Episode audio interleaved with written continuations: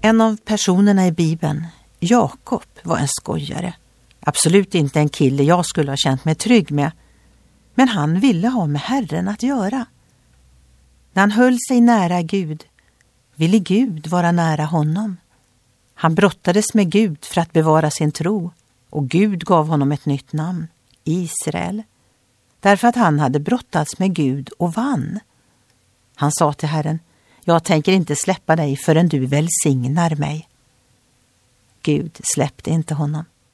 Både syndaren Jakob och den välsignade Israel fick vandra tätt och tryggt tillsammans med Herren genom livet.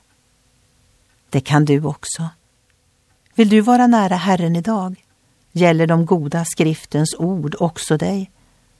Så säger Herren, han som har skapat dig, Jakob, han som har format dig, Israel.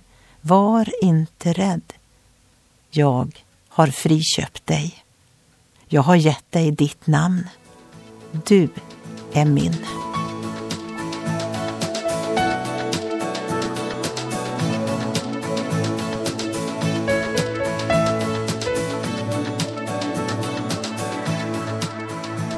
Ögonblick med Gud producerat av Marianne Källgren, Noria Sverige.